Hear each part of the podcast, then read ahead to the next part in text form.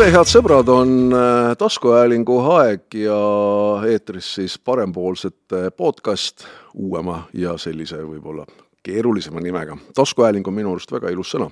mina olen Allan Muuk ja meid on kindlasti ka siin telepildis näha ja need, kes juba sellele podcast'i liinile on asunud, siis juba teavad ja näevad, kes ka minu külaline on, aga kõigepealt natukene endast äh, paljud teavad mind ajakirjanikuna ja tõsi ta on, viimased kolmkümmend aastat olen ma seda teed sammunud, nüüd on kindlasti juba paljudel ees küsimus, et miks siis nüüd järsku sellises kontekstis sellise erakonnaga siin podcast'i stuudios, jah, tõepoolest, et kolmkümmend aastat ja natukene peale on seda tööd tehtud, aga nüüd on käes aeg, kus tahaks ise vägagi näha, mis moel seesama töö, kandideerimistöö äh, seestpoolt välja näeb ja olen endale eesmärgiks pannud äh, selle karusselli kaasa teha ja juba see noor kogemus, äh, mis mul on olnud, ennast proovile panna on absoluutselt erinev sellest, mida ma olen näinud kolmkümmend aastat ise kandidaatide järel joostes ja, ja, ja neid küsitledes ja otsides nende erinevaid luukeresid, kus sõbrad, kui soovite, siis ka seda tehes. Et öö, enda proovile panek ja ma usun, et see saab olema väga põnev sõit äh, ja selle vilju me kindlasti näeme siis juba viiendal märtsil. Äh, tahaksime selle valimiste perioodi, aktiivse perioodi siin kuni märtsikuuni välja kindlasti parempoolsete podcasti väga elujõus hoida ja erinevaid teemasid siin ka kajastada Eh, kuidas erakond sündinud on, mis alustel, sellest väga pikalt eh, rääkima ei hakka, aga loomulikult tänases kontekstis on ainuõige esimene külaline siin eh, meie laua ääres parempoolsete erakonna esimees Lavly Perling. see on olnud keeruline sõit tegelikult praegu siias, sellesse päeva. pöörane, aga ilus, vägev, kui meeskond on kõrval selline dream team siis on iga sõit äge. üheksateistkümnendast jaanuarist siis, kui te esitasite digiallkirjastatud kandidaatide nimekirja Vabariigi Valimiskomisjonile, sai sinust automaatselt ka erakonna peaministrikandidaat. see on ju absoluutselt uhke ja natukene ka hirmutav nimi minu jaoks, peaministrikandidaat, see tähendab ju palju. mis see sinu jaoks tähendab? parempoolsed on Eesti kõige noorem erakond. siin on kokku saanud inimesed, kes jagavad maailmavaadet, kellel on see üks telg. ja kokku on toonud neid inimesi see, et tajume, et Eesti poliitikas on midagi valesti. valesti on see, et lähtutakse poliitikat tehes ennekõike iseenda huvidest, oma ametikohtadest, erakondadel jooksevad järel alates poliitilistest ametikohtadest kuni korruptsiooniskandaalideni. ja, ja need, see poliitika, mida tehakse, see on kõike muud kui see, mis meile sobib. me näemegi seda, et meie enda kokku kogutud maksumaksja raha raisatakse, me näeme seda, et toetusi jagatakse kõigile, kõikjale, mõtlemata sellest, et kuskil on abivajajad, kes päriselt vajavad riigi toetust ja nii edasi, nii edasi. ja kui selle kõige keskele panna nüüd peaministri ametikoht, siis ma ütlen, et parempoolsetel oleks loomulikult uhke tunne, kui me ühel päeval oleme peaministripartei ja selle poole me püüdleme. aga ma arvan, et et äh, see oleks väga vale, seada ühe erakonna juhina eesmärgiks äh, iseenda poliitiline ambitsioon. ma olen öelnud, et äh, minu poliitiline ambitsioon on hästi lihtne. see on see, et kümne aasta pärast on parempoolsetes kümme tulevikuliidrit.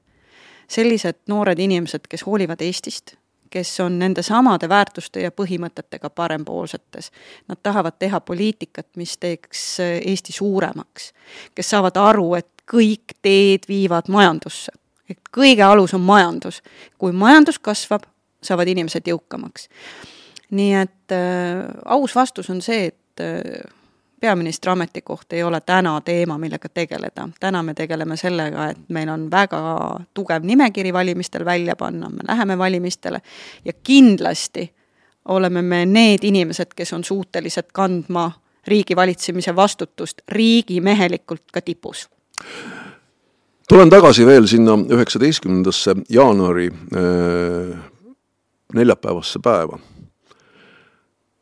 kui keeruline oli ikkagi see sada kakskümmend viis liiget leida, kes nimekirja kanda ja kellega siis minna täisnimekirjaga Vabariigi Valimiskomisjoni ette. tean, et väga paljud erakonnad, äh, parlamendierakonnad olid sellega vägagi kimpus ja kindlasti on kimpus ka siis, kui nende tulemus võib-olla viiendal märtsil on teada ja kui hakatakse juba konkreetselt noh, valitsust moodustama. pink on lühike, midagi teha ei ole. kui pikk ja tugev pink see sada kakskümmend viis parempoolsete poolt ikkagi on? meie pink on tugev, meie pink on pikk, meie nimekiri on äh, väga hea üle Eesti vastates küsimusele, et kui raske see oli, siis võttes aluseks sellise põhimõtte, mida me püüame järgida, on see, et me räägime tõtt, isegi kui see on valus, ja me käime oma sõnade järgi. et meie sõnad ja teod langevad kokku, siis ma ütleks või valetaks, kui ma ütleks, et ah, see oli tühi asi. ei, see oli töö. kõige õigem vastus on see, et kui, kas see oli raske, ma vastaks nii ja naa jah, me oleme selline startup erakond, ehk mis tähendab seda, et me võrreldes teistega, kes on aastakümneid olemas olnud, teised erakonnad, me peame tegema kõike ise, me peame võtma ajas järele, me peame ühtaegu ehitama nii organisatsiooni kui ka valmistuma valimisteks. ehk ta on olnud väga pingeline sellepärast et äh, meil ei ole suurt kontorit, hulka abilisi, juba eesolevaid kohaliku omavalitsuse tegelasi, kes aitavad läbirääkimisi ette valmistada, et ei, see on olnud kõik selle tuumiku töö. aga kui ma ütlen äh, naa ja ütlen, et ega ta väga raske ka ei olnud, sellepärast et esiteks me pöördusime ju inimeste poole, kelle puhul me uskusime, et nad jagavad meie maailmavaadet, et neil on seesama maailmavaateline telg, et nad usuvad iseendaga hakkama saava inimese väärtusesse, nad usuvad, et Eesti poliitmaastik vajab uusi inimesi, uusi ideid, et nad tunnevad, et see raiskamine ja see sõnade-tegude vastuolu, et sellele peaks lõpp tulema. ja kõige parem sellele lõpp teha on ise tulla poliitikasse. ja kuna me pöördusime nende inimeste poole, siis äh, si-, siis see selline läbirääkimise faas enam ei olnud raske, et ikkagi paljud inimesed tulid. tõsi on ta ka see, et et mõned head inimesed jäid tulemata, sellepärast sinna ma tahtsingi jõuda, et kui palju jäid ikkagi ukse taha selliseid? ikka jäid, ikka jäi ja, ja, ja, ja nad on meie kõige paremas mõttes saadikud edasi. miks ja, ja miks jäi mõnel tulemata, et eks see on elu, et kõigi elu ei ole parasjagu täpselt seal ristteel, et jätta kõik ja, ja võtta suund poliitikasse, et see peab sobima paljude asjaoludega, et äh, oma elu, soovi, motivatsiooni, kõigega, selle võrra nagu maani kummardus nende eest, kes tulid. kes tulid nagu selle kõige noorema erakonnaga, kellel ei ole ette pakkuda ei ametikohti, pigem palju tööd ja pingutust. aga sellel on oma suur pluss et meiega ei äh, tule konjunkturistid, meiega ei tule need, kes tulevad poliitikasse sellepärast, et sealt midagi saada, vaid tulevad need, kellel on keskmisest suurem annus idealismi ja soov päriselt Eesti homme paremaks teha. kui palju ikkagi oli vaja erinevatele kandidaatidele seletada, kes me oleme, kus me tuleme ja mida me tahame saavutada. sest mina, kui äh, teiega liitusin, siis mul oli kohe nagu sisemine veendumus, et et see erakond on kuidagi positiivne ja edasiviiv, et ma ei pidanudki väga palju hakkama internetis tuhnima ja vaatama, mida te olete siis nagu lubanud või millised on need esimesed teesid. kui palju inimesed kohe aru said, et tegemist on äh, õige asjaga see tuli paljudest vestlustest välja, kellega me rääkimas käisime, et inimesed vaatasid meid ja ütlesid, et kuulge, aga teil on nagu päriselt toimiv selline meeskond ja hea õhkkond. Inimesed, kes on meiega liitunud, ütlevad ka seda, et äh, ega siis poliitikasse loomulikult ju tullakse selleks, et Eesti jaoks häid otsuseid teha, aga üksi siin maailmas ei tee keegi mitte midagi, et su ümber on vaja no samasuguseid inimesi, su ümber on vaja meeskonda. ja see on äh, olnud üks, äh, üks vahva asi, et täitsa võõrad inimesed, kellega me ka kohtusime, ütlesid sedasama, et kuulge, midagi teil on olemas. ma ei ole olnud ju teiste erakondade sellistes meeskondades ja ei tahagi olla, et, et vaatamata sellele, et olen olnud ju rikas pruut, ei ole ma mitte kuhugi mujale tahtnud just nimelt nende inimeste pärast ja tõsiselt võttes sellepärast, ma usun, see on see meeskond, kellega on võimalik Eesti jaoks suuri asju ära teha, kellega koos on päriselt võimalik Eestis majandus kasvama panna ja, ja, ja, ja, ja teha seda nii, et see on nagu pikaajaliselt ja Euroopas kõige kiiremini kasvav majandus, miks? Sealt tuleb inimeste jõukus, sealt tulevad töökohad, sealt tuleb elu, kus inimesed saavad oma unistusi realiseerida ja õnnelikud olla. no sina kui rikas pruut, kas siis tõepoolest ükski kosilane ei meeldinud Eesti poliitmaastikult?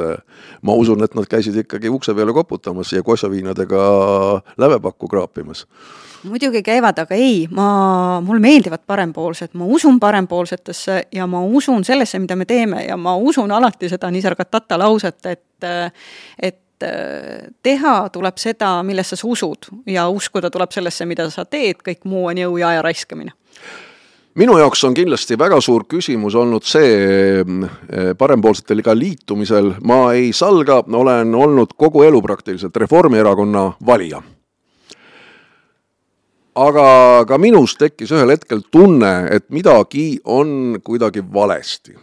Kui palju parempoolsed nüüd ikkagi äh, Reformierakonnast erinevad, kui jõuline see nende pilt on natukene ikkagi tänasel poliitmaastikul, kui me hakkame mõtlema ja võrdlema tänast Reformierakonda, äh, kritiseerigu mind parempoolsed, aga tegelikult ma äh, julgen siin välja öelda, et Reformierakond alustas ju tegelikult umbes samasuguste põhimõtetega, nagu praegu ikkagi teeb seda ju parempoolne erakond. Täpselt nii ongi, ehk äh, ajalooliselt on olnud ju Eestis parempoolsed erakonnad Reformierakond ja Isamaa. No Isamaa on päris poolt vahetanud, et tema on ikkagi läinud ära vasakpoolseks, ma arvan, täna võib-olla isegi natuke vasakpoolsemaks kui sotsid Eestis. Aga mis puudutab äh, Reformierakonda, siis seal on parempoolsusest jäänud järele sildid. ega täna on see päev, kui, kui, kui Kersti Kaljulaid äh, tegi ka avalduse, et miks ta toetas parempoolseid ja ta ütleb ju välja, et ta toetab neid maailmavaate pärast ja ta ütleb ka välja selle, et äh, et valitsuse sõnad ja teod ei lange kokku. ja see ongi ilmselt see põhjus, miks nii mõnigi Reformierakonna valija on öelnud, et äh, teid on vaja. me ise näemegi, et me oleme täna Eestis sisult ainuke parempoolne erakond, sest kõik ülejäänud on kaldunud kas äh, tsentrisse või lausa vasakule. ja seda parempoolset äh, erakonda on Eesti tasakaalu mõttes vaja. sest Eesti edu tervikuna kui me mõtleme kolmekümne aasta peale, siis see on ju põhinenud just nimelt nendel parempoolsetel valikutel.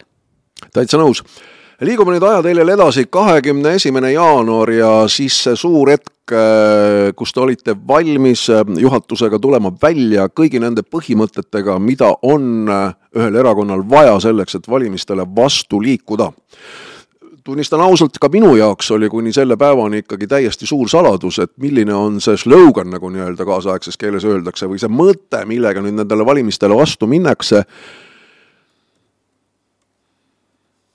Mõistuse hääl. kui ma seda saalis kuulsin, kui sa seda kui, kui sa selle välja tõid, kui see joonistus sinna nii-öelda taha seinale kuvati siis esimene tunne oli, et kuidagi nagu võib-olla tuttav, et ma olen seda nagu ennem kuulnud.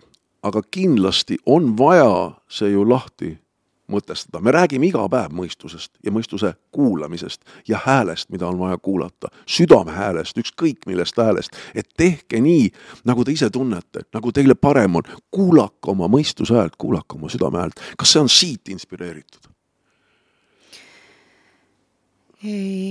jah, ilmselt on nüüd siin see koht, kuna me ikkagi oleme parempoolsete podcastis, kus ka öelda, et äh, jah, sellised me oleme, et mõni asi jääbki viimasele minutile ja ka see on see, et see ei ole meie taotlus, aga nagu vahel startup-ides ilmselt juhtub, olen kuulnud, et äh, nii juhtub ka meil. et mõnikord, äh, mõnikord suured otsused suure hulga inimesteni jõuavadki viimasel minutil, aga mõistuse hääl ega see ei ole halb, ma ei Mõistuse... peaks absoluutselt halvaks seda, et mulle endale meeldib äh, organisatsioonis ikkagi see, kui inimesed on hästi ja aegsasti informeeritud ja neil on piisavalt infot ja sellepärast ma mõtlen, et äh, eks selle ehitamise faasis juhtub kõike. ja ma olen väga tänulik parempoolsetele, kellel on piisavalt äh, mõistlikkust ja naeratavad nende seikade peale, kus tundub endale, et no oleks võinud paremini. aga mis puudutab mõistuse häält, siis mõistuse hääl on see, mis ühelt poolt on puudu poliitikas, me jõuame jälle tagasi sinna sellise raiskamise, lubaduste, toetuste, sellise lühiajalisuse juurde, et mõeldakse kategooriates minu ametikoht, minu reiting ja ei muud ehk mõistuse hääl on see, mis peaks rääkima meile sellest, mis on, mis on Eesti jaoks parim, mis on teaduspõhine, mis on see julge otsus, mis viib Eestit edasi, mis viib Eesti inimesed jõuka rahva sekka. ja me ju tegelikult teame, et see mõistuse hääl, see on selline midagi inimesele loomuomast, et me seesama räägime ja teeme sama, et me räägime lihtsalt ja ausalt, ei aja pada, me räägime erinevatele inimestele sama juttu et, et see, see mõistuse hääl on lahendustes. aga mitte ainult, ma arvan, et mõistuse hääl on, on ka parempoolse valija peas. ehk ma arvan, parempoolne valija ongi see, kes on see, kes väljendab seda mõistuse häält ja kes on üle mõnes mõttes ka sellest hirmutamisest, mis puudutab, et oi, et ärge ikka parempoolsetele andke, et nad veel nii väiksed ja noored. muidugi andke, see ongi mõistuse hääl ja see on seesama südame hääl, see on mõistuse hääl, et te saate aru, et meil on seltskond, kellel on teadmised, kellel on tahe, kellel on julgus need vajalikud otsused ka päriselt ellu viia see on mõistuse hääl. nii et see mõistuse hääl, me ei arva, et ainult meil on mõistuse hääl, meie valijal on mõistuse hääl ja ma väga loodan, usun, arvestades, et Eesti rahvas on tark rahvas olnud alati, et et meie valija aitab selle mõistuse hääle viia juba sel korral ka Riigikokku see oleks kindlasti äh, suur eesmärk ja selle üle, selle poole me kõik ju püüdlemegi tegelikult. aga ole hea, sinuga võtaks tegelikult läbi mõned sellised äh, elus olulised valdkonnad selleks, et äh, meie kuulajatel, kes võib-olla satuvad parempoolsete podcast'i kuulama, olekski ikkagi vägagi selge, mida me mõtleme, kuhu me tahame välja jõuda. no hakkame kõigepealt ikkagi sellest samast kõige lihtsamast inimeste endi toimetulekust, et, et mis need on need võtmed, hoovad, mis võiks kindlasti kohe teha teha selleks, et äh, meie stabiilsus inimeste näol oleks tagatud, et nende sotsiaalne toetus oleks olemas, et me ei hakkaks jälle vaatama, kust tuleb see helikopter sealt kuskile taevas, oi, näed, viiskümmend eurot tuli arvele, oi, aitäh, Eesti riik. Äh, homme unustad ära, et see viiskümmend eurot sinna tuli. Võtaks kõigepealt selle teema, ma usun, et see on praegusel ajal, kus me tuleme siit kriisidest välja ja, või ületame nende kriisimägesid ikkagi väga oluline selle vastuse tuum peitub äh, võib-olla kolmes lauses. esimene on see, et iseendaga hakkama saavad inimesed on riigi suurim väärtus. mitte toetustest elavad inimesed, vaid need inimesed, kes äh, töö ja ettevõtlusega saavad äh, väärika tasu lauale need inimesed on need, kes kasvatavad majandust, kes tunnevad ennast siin riigis hästi, kes hoiavad seda riiki, nii et iseendaga hakkama saavad inimesed, mida rohkem on inimesi, kes eh, ei vaja toetusi riigis, seda tugevam on riik. et parempoolsed usuvad iseendaga hakkama saavat inimest. teine, mis on parempoolsuse tuum, on ikkagi see, et inimene ise teeb kõige õigemad otsused, mitte riik mitte riik oma regulatsioonide, mitte riik oma ettekirjutustega, inimene. Inimene ise, et parempoolsuse tuum on see, et inimene ise teeb kõige õigemad otsused ja et inimesed on vabad. Isikuvabadused, see on kindlasti parempoolsete jaoks väga oluline. ja kolmas, mis on parempoolsete jaoks kindlasti väga oluline, et kuidas seda kõike korrastada, ongi see selline äh, nõudlik riigijuhtimine ja, ja korras rahandus ehk, ehk need märksõnad, et äh, tasakaalus eelarve, et me lihtsalt ei raiska raha, et me ei võta laenu tulevaste põlvede arvelt ja nii edasi ja nii edasi. ja kui need kolm asja kokku panna, et see iseendaga hakkama saav inimene, et siis see tähendab seda, et paneme majanduse kasvama, et loome majanduses sellised keskkonnad, kus on vähe bürokraatiat, kus tõesti inimene tahab olla nagu ettevõtlik ja ta tahab, tahab, tahab, tahab töötada et ta saab selle väärika tasu lauale, et ta tunneb ennast hästi ja siis ta, siis ta hoolib sellest maast ümberringi, hoolib keskkonnast, hoolib Eesti kultuurist. läbi sellise suhtumine, kui me saame aru, et kõik taandub majandusele ja me paneme majanduse kasvama, siis muutub rahvas jõukamaks. mitte lihtsalt palgajõukusel, ei, varajõukusel. varajõukus, see tähendabki seda, et meil igalühel on siin oma kas äh, maatükk, meie oma kodu, meie ettevõte. ja see omakorda tähendab seda, et äh, me oleme valmis selle, seda riiki kaitsma, ükskõik mis hinnaga. jällegi, et mis on majanduskeskkonnale vajalikud äh, sellised äh, tingimused, et majandus hakkaks kasvama. kõigepealt kindlasti etteennustatavus näiteks investeerimiskeskkonnas, madalad maksud.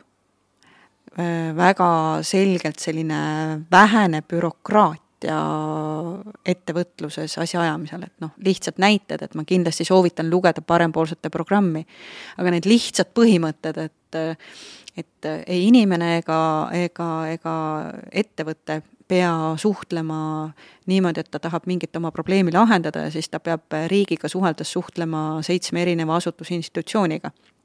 põhimõte peaks olema ikka see, et sa saad vastused ühest kohast kätte. aga samamoodi hästi palju küsitakse, et aga, aga miks just madalad maksud, et siin demograafilises olukorras, et kust raha tuleb, siis meie ütleme, et stopp raiskamisega te tekitate olukorra, head ülejäänud erakonnad, kus, kus tekibki vajadus makse tõusta. täna ei ole veel seda vajadust. Aga sellepärast tulebki riiki kärpida, kõik sellist riigi paisumist, ükskõik, kas me räägime õigusloomest, ma olen ise jurist, aga ükskõik, kus te lähete, küsite, te saate vastuse, et ma olen alati toetanud põhimõtet, et ärme niisama seadust muudame, ärme igaks juhuks regulatsioone tekitame, usume praktikat, teeme menetlused kiiremaks ja nii edasi, et mul on nagu õnn ja rõõm olla, olla täna poliitikas ja lähtuda samadest põhimõtetest, millesse ma inimesena usun, sest mina olen ju ikka mina. Äh, nii et see tegelikult väide sellest, et äh, parempoolsete selge vaade on rahu majanduses, rahu ettevõtluses, et täiesti võimalik on see, et las majandus kosub nendest rasketest aegadest, saab üle, ei hakka teda, ei ole vaja teda hakata liigsete maksukoormistega taas kägistama, pigem saame tööle uuesti hakata, saame areneda ja, ja, ja siis alles hakkame vaatama, kuhu me välja jõuame, saame inimesed uuesti rõõmsaks, et nendel oleks nägu naerul, kui nad hommikul üles tõusevad ja ükskõik siis kuhu tööle lähevad. et nii, et see väide ei ole absoluutseltki vale. absoluutselt, ettevõtlusrahu, ettevõtlusrahu on see, mida me pakume, et riik, mida vähem sekkub majandusse, seda parem ja jah, loomulikult on riigil omad funktsioonid, mida riik täitma peab, neid ta peab täitma iseenda suhtes nõudlik olla, see tähendab kiirelt, see tähendab asjatundlikult, see tähendab samamoodi efektiivselt. see, see tähendab paljusid asju, see tähendab äh, moodsat andmepõhist riigijuhtimist. see tähendab julgust Äh, läbi viia valusad reformid, ükskõik, kas see puudutab meil äh, täna haridust, kui me mõtleme, et me räägime kogu aeg õpetajate palkadest, aga see ei ole ainult äh, teema, et paneme sinna hästi palju raha, andke andeks, aga kui toru on katki, kui meil statistiliselt me teame, et meil Euroopa riikide võrdlusest läheb väga suur hulk raha majandusse, aga ta ei jõua õpetajate palkadesse. lahendame selle probleemi ära, et kui toru, mis lekib, sa võid sinna ükskõik kui palju vedelikku juurde panna, no ei jõua see sinna, see vedelik, kuhu ta jõudma peab. või tervishoiusüsteem, et, et selliseid valusaid kohti, kus tuleb otsustada, on küll ja küll, aga jällegi, et miks me räägime palju maailmavaatest, et, et me ei ole tormanud, et me lubame nii palju protsente seda, kõigile toetust ja natuke kellelegi toetust juurde, stopp, ei, see ei ole lahendus. me pakume maailmavaatelist erakonda, miks see on oluline? see on oluline sellepärast, et maailmavaade annab valijale etteennustatavuse. et ükskõik, kas ta valib äh, valib äh, Lavly Perlingut Harjumaal või Allan Muuki Tartu ja Jõgevamaal, ta teab, et ta annab samadele väärtustele ja põhimõtetele oma hääle. Ja see on see, et ükskõik kui keerulises olukorras on valijal kindlustunne, et äh, ka sellel päeval, kui me peame Riigikogus tegema otsuseid, põhinevad meie otsused nendel samadel maailmavaatelistel põhimõtetel teine suur vaal tegelikult, äh, mis praegu on äärmiselt oluline, on riigikaitse. absoluutselt äh, Eesti on panustanud kolossaalseid summasid äh, riigikaitsesse, Ukraina abistamisse eelkõige. absoluutselt ei tekigi kahtlust, et see on tark otsus, seda on vaja teha, arvestades meie geograafilist seisundit ka siin suure idanaabri kõrval, aga ometigi ühiskonnast on kuulda pidevalt hääli. Me maksame ja kanname ja anname miljoneid, miljoneid eurosid sinna, me ise oleme paljad, näljas ja vaesed. riigikaitse parempoolsete jaoks, kui tähtis on ikkagi, et äh, see asi oleks balansis mingil määral või me peame ikkagi natukene panustama rohkem sinna, nagu me praegu teeme, milline oleks see õige lahendus, kas seda õiget lahendust oleks? parempoolsed on oma programmis välja öelnud lihtsa lause. See on see, et riigikaitse ei ole poliitilise ärplemise koht. muidugi on riigikaitse, meie julgeolek, meie tuum. aga ka julgeoleku puhul me julgeme väita, et, et, et see poliitiline debatt, et äh, keskmaa õhutõrje ja, ja kui palju on vaja relvi osta või relvastust hankida, siis parempoolsed sellesse poliitilisse debatti ei lähe, sest me usaldame oma riigi eksperte selles valdkonnas. me usume, et meie kaitseväe juhid on need, kes teevad parimad otsused mitte poliitikud äh, laua taha. poliitikud laua taga ei peaks äh, sellistesse diskussioonidesse laskuma. küll on aga parempoolsed väga selgelt välja öelnud, et äh, Eesti poliitiline, välispoliitiline eesmärk on hästi lihtne. see on Vene impeeriumi lagundamine kõikidel tasanditel, ka idee tasandil. ja see on põhimõte, millest me lähtume, et ka tulevikus, et ükskõik, kas me ehitame oma partnersuhteid, me räägime diplomaatiast, me räägime rahvusvahelisest koostööst erinevate institutsioonidega, see on meie välispoliitiline eesmärk. nüüd, mis puudutab Ukrainat. Ukraina sõdib ju ka meie eest. ja reaalsus on see, et me ei tohi sellest väsida ja ukrainlased ei ole väsinud ja meie ka ei tohi väsida, et meie tegelikult toetus, meil väsimusmärke juba on märgata ühiskonnas. meie toetus äh, peab äh, jätkuma. nüüd, mis on äh, parempoolsete jaoks hästi põhimõtteline koht ja miks me väidame, et ka julgeolek jõuab majandusse välja. me usume, et üks tugevamaid julgeoleku aluseid on kindlasti inimeste kaitsetahe.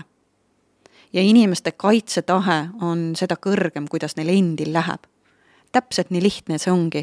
et kui sul on äh, leib laual, sul on hea olla, sa tunned hästi, sa tunned, et see on see riik, kus, mis on parim koht elamiseks, siis sa hoiad seda, mis su ümber on ja sa oled vajadusel valmis selle riigi eest sõdima ja surema see on täitsa õige, sellepärast et kui tõesti inimesel on kõik kodus korras, ta näeb, et lapsed on hoitud, naine on hoitud, leib on laual, nagu sa väitsid, siis kindlasti on see meesterahvas, ükskõik kus Eesti piirkonnas ta ei oleks, nõus minema piltlikult püssi alla ja nõus oma riiki kaitsma ja teha kõik, tegema kõik selleks, et see nii oleks. aga lõpuks ometi tuleb ka väike intriig, sellepärast et tead, Allan, et parempoolsed ütlevad oma programmis ka seda, et äh, mitte ainult mees püssi alla, vaid kõik ühiskonnaliikmed peaksid veel rohkem saama panustada riigikaitsesse. ma olen klišeedes kinni vist ilmselt. et äh, aga, aga jaa, ja sealt kaitsetahtest kindlasti joonistuvad äh, välja mitmed erinevad teemad, kuni elanikkonnakaitseni välja ja ka selleni välja, et äh, ega julgeolek on üks. Et kui me räägime välisest, ei ole olemas sellist asja nagu väline julgeolek ju, et on nagu julgeolek ja siis on nagu justkui sisejulgeolek. mis omakorda tähendab, et julgeolek on tervik. Ja see algab meie sellisest, sellisest kodust ja turvatundest, see algab sellest tundest, et, et me oleme kodus rahul, kui me elame sellises keskkonnas, kus meie, ei tea, kümneaastane laps õhtul trennist tulebki üksinda koju ja mu süda on rahul või, või, või sinu süda on rahul, et, et me teame, et temaga on kõik hästi, sest see on see turvaline keskkond. seda järjest suuremaks kasvatades, et see, see turvatunne, see selline, see, see turvalisus, see, see kasvabki üle nüüd selleks, et ma tunnen ennast siin hästi, see läheb mulle korda, nüüd ma tean, et see sisejulgeolek kaitseb mind siin riigis sees ja sealt edasi tuleb selle välise ringina kõik see, mis puudutab äh, julgeolekut kõige laiemas mõttes. ja ja ega, ega loomulikult tuleb lisaks kaitsetahtele siin riigis sees jätkata seda tööd, mis puudutab meie partnersuhteid NATO-ga, toetada kindlasti Ukrainat tema liikmelisuse taotlusel nii NATO-sse kui Euroopa Liitu. ja ikkagi ma jõuan selleni, teenides oma leiva lauale Ukrainat toetades täna äh, uhke rahvas ja tubli rahvas ja neil on väga raske. mõned need hetked, kui sa näed, millist elu nad täna elavad, on ikkagi väga valusad. nii et äh, et ikkagi ma jään selle juurde, et meie asi on neid toetada ütlen siin kiirustades ka kuulajatele vahele seda, et me kindlasti plaanime nende podcast'ide kaudu ka neid teemasid rohkem lahata e-, ekspertidega ja kindlasti suurepärane mees sellest rääkima, Ilmar Raak, kes ka parempoolsete nimekirjas ju kandideerimas on. nii et usun ka Ilmariga kindlasti jõuame siia laua taha ja, ja räägime just selle kaitsetahe tahte ja, ja, ja Ukraina kaitsmise teemadel võib-olla vahetult just enne seda, kui see äh, ajalooline esimene aasta täis saab. seda on jube mõelda, aga see nii kahjuks on. sinuga võib-olla ja loomulikult teistel teemadel ka, sinuga võib-olla natukene põgusalt peatuks ka veel ikkagi regionaalsetel teemadel, et see regionaalne areng on olnud inimestele ka väga valus mina väidan, et see, et regionaalset arengut Äh, hoida üleval, oleks näiteks äh, väga oluline rajada korralikud ligipääsuteed, rajada korralik nii maanteetranspordi, vajadusel ka raudteetranspordivõrk, äh, neljarealise rajamine praegu Paideni näitab suurepäraselt ära, et korterite hinnad sealsamas Paides, Järvamaal on drastiliselt tõusnud, sellepärast inimesed tulevad sinna piirkonda tagasi. sõita sealt Tallinnasse tööle või ükskõik kuhu on juba lust ja nad tahavad seal elada rahus, vaikuses Kesk-Eestis paraku igale poole veel ei jõua. millised need põhilised regionaalpoliitilised suunad praegu parempoolsete äh, programmis on? ikka lähtuvad kõik sellest, et see, mida vähem riiki, seda parem. Inimene ise, järgmine tasand on nüüd kõik see kohalik tasand. me regionaaltasandi puhul oleme veendunud, et kohalikel omavalitsustel võiks olla suurem otsustusõigus, riik äh, peaks märksa vähem sinna sekkuma, sellepärast et see tasand on kindlasti see, kes suudab kõige paremaid äh, otsuseid oma kodukoha inimeste jaoks teha. nüüd see teema, mida sina puudutasid, mis ongi riigi ülesanne, on, on kindlasti ühendused et vot see on nüüd see riigi selline strateegiline pool ja äärmiselt oluline, kui me räägime regionaalsest arengust. Aga parempoolsetel on veel mõtteid, mis puudutavad äh, kogu seda regionaalset arengut, et näiteks ideed äh, selle kohta, et kuidas siis saab soodustada seda, et äh, ma ei tea, inimesed, kes ikkagi otsustavad minna elama Tallinnast välja väikestesse linnadesse, et nad tahavad sinna oma kodu rajada, aga see kinnisvara hind on nii väike, et noored pered ei saa isegi laenu pankades sellega.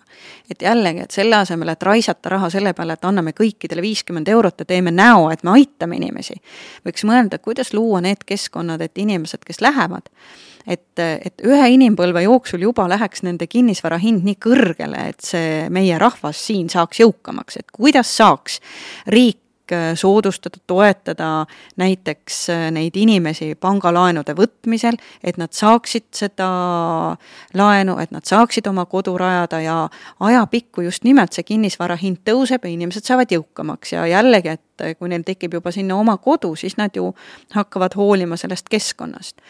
aga veelgi enam, et me arvame, et ka inimene ise võiks näiteks saada rohkem kaasa rääkida oma maksude jagamisel, kui ta elab mitmes kohas, erinevate kantide vahel, et äh, milline hulk äh, maksust laekub tema põhielu kohta, milline näiteks suveelu kohta. loomulikult on äh, palju asju, mille üle tuleb veel põhjalikult tööd teha, läbi rääkida. aga need lahendused on olemas, nii nagu me arvame, et pikas perspektiivis me võiks ikkagi jõuda selleni, et kohalikke omavalitsusi on vähem. ja, ja neid on vähem, aga nad on kvaliteetsed, nad pakuvad kvaliteetset teenust ja ma rõhutan, et, et ega siis, kui kohalikud omavalitsused muutuvad sellisteks, ma ei tea, maakonna suurusteks kohalisteks omavalitsusteks, siis see ei tähenda seda, et teenused inimestelt kaugemale lähevad, vastupidi need parandavad teenuste kvaliteeti ja teenuste kättesaadavust. ja, ja, ja, ja, ja nii säilib ikkagi nagu elu igal pool Eestis nii on ja nagu öeldud, siis tegelikult äh, me kõigil nendel teemadel kindlasti selle veebruarikuu jooksul pikemalt peatume erinevate spetsialistidega, keda parempoolsete nimekirjas on piisavalt palju. aga siin lõpp lõppu tahaks ikkagi mõned sellised võib-olla teravamad teemad ka ikkagi välja tuua selleks, et anda ka kuulajatele aimu, kuidas parempoolsed mõtlevad ühest või teisest asjast. omasooliste abielu on Eestis olnud pikalt-pikalt-pikalt teemaks. seda kummi on siin veritatud ja seda palli siin pekstud ühest nurgast teise, keegi täpselt aru ei saa, kuhu me siis praegu ikkagi liigume. milline on parempoolsete nägemus selles küsimuses? Parempoolsete seisukoht on väga lihtne, et riik ei peaks tegelema üldse selliste küsimustega, sest need on nii inimeste eraelulised küsimused ja parempoolsete telg on väga lihtne, et riigi asi ei ole sekkuda inimeste eraeludesse. kui vaadata ajalooliselt, siis me teame, et äh, meie ainuke parlamendiliige äh, Siim Kiisler on seisnud kooseluseaduse poolt väga selgelt ja, ja referendumi vastu. et teiselt poolt me oleme nii noor erakond, et meil teatud tuumteemad on äh, lõpuni läbi rääkimata. aga ma julgen öelda, et meie inimesed pigem toetavad abielu äh, samasooliste vahel, aga ehk äh, meie põhimõte on see, et me anname inimestele, nii nagu me räägime, et ühiskonnas on inimestel õigus, igalühel oma arvamusele ja vabadus. ja need on nüüd need teatud teemad, kus me ütleme, et ka meie erakonna sees on see organisatsiooni kultuur, kus inimestel teatud küsimustes ongi õigus oma arvamusele ja ongi õigus teistsugusele arvamusele kui see, mis erakonnas üldiselt kokku lepitakse ja tegelikult on ju ikkagi vaja mingit seadusesätet siiski, juhul kui me ikkagi noh, hea küll, tolereerime, aga siiski, kuigi keegi tahab näiteks mees-mees, naine-naine tahavad ise paari luua, abielluda, siis selleks on ikka ju seadusandlikult vaja see asi selgeks rääkida. no muidugi, õigusselguse seisukohalt on äh, ju alati oluline, et mida selgemad on asjad, seda parem. aga alati tuleb nagu mõelda, et kas ühiskond on nagu kõikideks küsimusteks valmis, et kui on ainult ühte nuppu võimalik valida, kas jaa või ei, siis, äh, siis, siis parempoolsete puhul vabaduste mõttes pigem alati jaa no järgmine teema ka siia podcasti lõppu on kindlasti see, mis praegu ka viimasel ajal väga palju ühiskonnas kirgi kütab ja minu pärast, minu meelest ta tuleb alati siis üles, kui on valimiste periood. see on kanepi legaliseerimine. teema, mis praegu maailmas äh, kütab kirgi paljud riigid on seda teed juba läinud ja, ja kaaluvad seda teed minemist, seda, sellele teele astumist. Eestiski on juba hääli kuulda, et miks nii, miks mitte naa, et võiks nagu selle peale mõelda. samas tänane statistika näitab seda, et narkosurmade arv on siin viimase paari aastaga jõuliselt tõusnud taas on tänavatel erinevat solki saada, kui vahepeal fentanüüliga saadi nii-öelda äh, ära lõpetada see kõik, siis tundub, et kuskilt on jälle mingi kraan lahti läinud. Äh, ju paljud teavad, millise taustaga sa oled, sa oled olnud riigiprokurör ja, ja, ja, ja enne seda jurist, enne seda jurist ja, ja, ja tegelikult tegelenud nende narkoteemadega väga pikalt. sa oled näinud neid inimesi, kes selle küüsis on. sa oled näinud, kuidas nad piinlevad, sa oled näinud, andke mulle andeks, kuidas nad surevad. Kas see teema üldse on tänases Eesti ühiskonnas äh, äh, arutamist väärt äh,? kas me võime sellest praegu rääkida või see tuleb täiesti ära lükata kuskile sahtli alla, kalevi alla panna ja me peame selle unustama. aga tahes ja tahtmata see ikka tõuseb üles. ühtegi debatti ei pea ühiskonnast ära lükkama laua pealt, kui debatt tekib. ehk äh, ei pea ka seda kanepi legaliseerimise debatti kuskile ära lükkama. täna julgen ma öelda, et see ei ole veel see debatt, mida me väga peaksime nagu tõsiselt äh, poliitilisel tasandil pidama, sest äh, kõigepealt tuleb ikkagi, debatt algabki sellest, et kõigepealt me aktsepteerime seda, et on erinevaid seisukohti ja see on äh, väga hea. teiseks, me peamegi selle debati raames rääkima nendest poolt ja vastu argumentidest ja, ja täna me teame, et meil on ikkagi väga selgelt veel äh, vähe informatsiooni kanepi mõjudest äh, inimorganismile, ühiskonnale, kuritegevusele ja nii edasi ja nii edasi. nüüd äh, kolmas on see kogu muu maailma liikumine legaliseerimise suunas, äh, jaa, väga paljud liiguvad, aga just nimelt, nagu sa puudutasid, et ei saa ma üle ega ümber, ma olen ju tervik, ükskõik, kas ma olen inimene, poliitik, ma ei tea, ema, abikaasa või prokurör, mina olen ikka mina. oma, oma elukogemuse, oma arusaamadega. see on tõesti maailm, mida ma olen väga vahetult näinud. ja, ja ma arvan, et see saab olema ka erakonna sees meil ühel hetkel debatt, just nimelt sellepärast, et ühelt poolt me ju toetame isikuvabadusi ja, ja tahaks justkui öelda hästi kiiresti jaa, siis ma möönan, et siin kindlasti selline minu isiklik seisukoht on pigem ei. ja just nimelt sellepärast, et, et liiga palju ma olen elus näinud päris inimesi, kelle hukatus on olnud kanep. teistpidi, et, et mitte üle dramatiseerida teemat, siis ma nagu usun, et tegelikult on täna, et kui me mõtleme, mis on probleem et noh, narkosurmad ei ole üldiselt nagu kanepi teema, aga see on kindlasti hoopis teise saate teema. et, et need on ikkagi raskete narkootikumide teema siis. nõus, nõus, nõus. siis see, millega nagu peab tegelema, aga sellega ei peaks tegelema poliitikud, vaid täitevvõim. ehk kuidas teha nii, et, et punkt üks, turult on ära tugevatoimelised narkootikumid, mis põhjustavad surmasid. ja punkt kaks, et ikkagi ka kanepi kättesaadavus näiteks alaealistele oleks viidud ikkagi miinimumini, sest täna see kahjuks nii ei ole. nii et tegelikult need debatid sellel samal teemal äh, võib arvata, et meil ühiskonnas seisavad veel kindlasti, kindlasti ees. Kindlasti seisavad need ees, kogu maailm on neid debatte pidanud, aga aga sellele samale oma varasemale kogemusele tuginedes ütlen jaa, paljud riigid ütlevad jaa, jaa, jaa, aga riigid, kes on öelnud jaa, jaa, jaa, need siiski ütlevad ka omavahelistes vestlustes, et mõju kuritegevusele Äh, rahva sellisele psüühikale, et äh, need on ka teemad, millele vaadake otsa, enne kui hakkate poliitilisi otsuseid tegema. enne kui hakkame poliitilisi otsuseid tegema, jätkame hoopis äh, ühe teise sõltuvusainega, see on parempoolsed ei, ei taha, ei taha selliselt väga morbiidselt lõpetada seda jutuajamist. seisab ees tegelikult väga suur, raske aga huvitav sõit. ilmselt selleks tuleks meile kõigile jõudu soovida ja kindlasti jõudu soovida ja, ja kaasaelamist soovida ja hääletamist soovida kõigile nendele, kes parempoolsetega liitunud veel ei ole ja kes meid lihtsalt kuulavad, et millised meie seisukohad on mõistuse hääl on see, mis meid sellel teel juhtima peab, sest äh, olgem ausad, et äh, toore jõu rumaluse valetamisega ei jõua kuhugi, aga mõistuse häälega jõuab.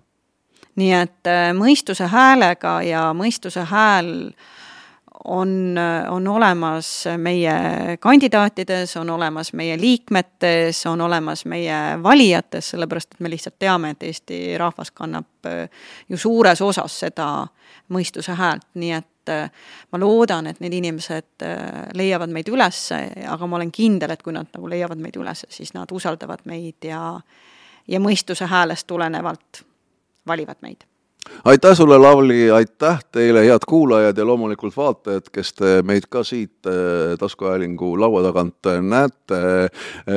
parempoolsete taskuhäälingu saated kindlasti muutuvad väga regulaarseks ja kellel on midagi küsida, midagi teada tahab parempoolsete koha pealt või öö, sinu, minu käest või ükskõik millise erakonna liikme käest, see võib julgelt kirjutada, kõik meilid, telefonid on avalikud, võite oma mõtetest, tunnetest teada anda kui tuleb midagi sellest, sellist, millest te aru ei saa, kindlasti võtame selle teemaks ja räägime ja kindlasti siin laua ääres saavad olema väga spetsia-, väga toredad ja väga ähm, valdkonda tundavad inimesed, kellega siis võib-olla need juba täna üle käidud teemad ka üksipulgi lahti räägime ja teile selgeks teeme, millised meie seisukohad on, aitäh teile! aitäh!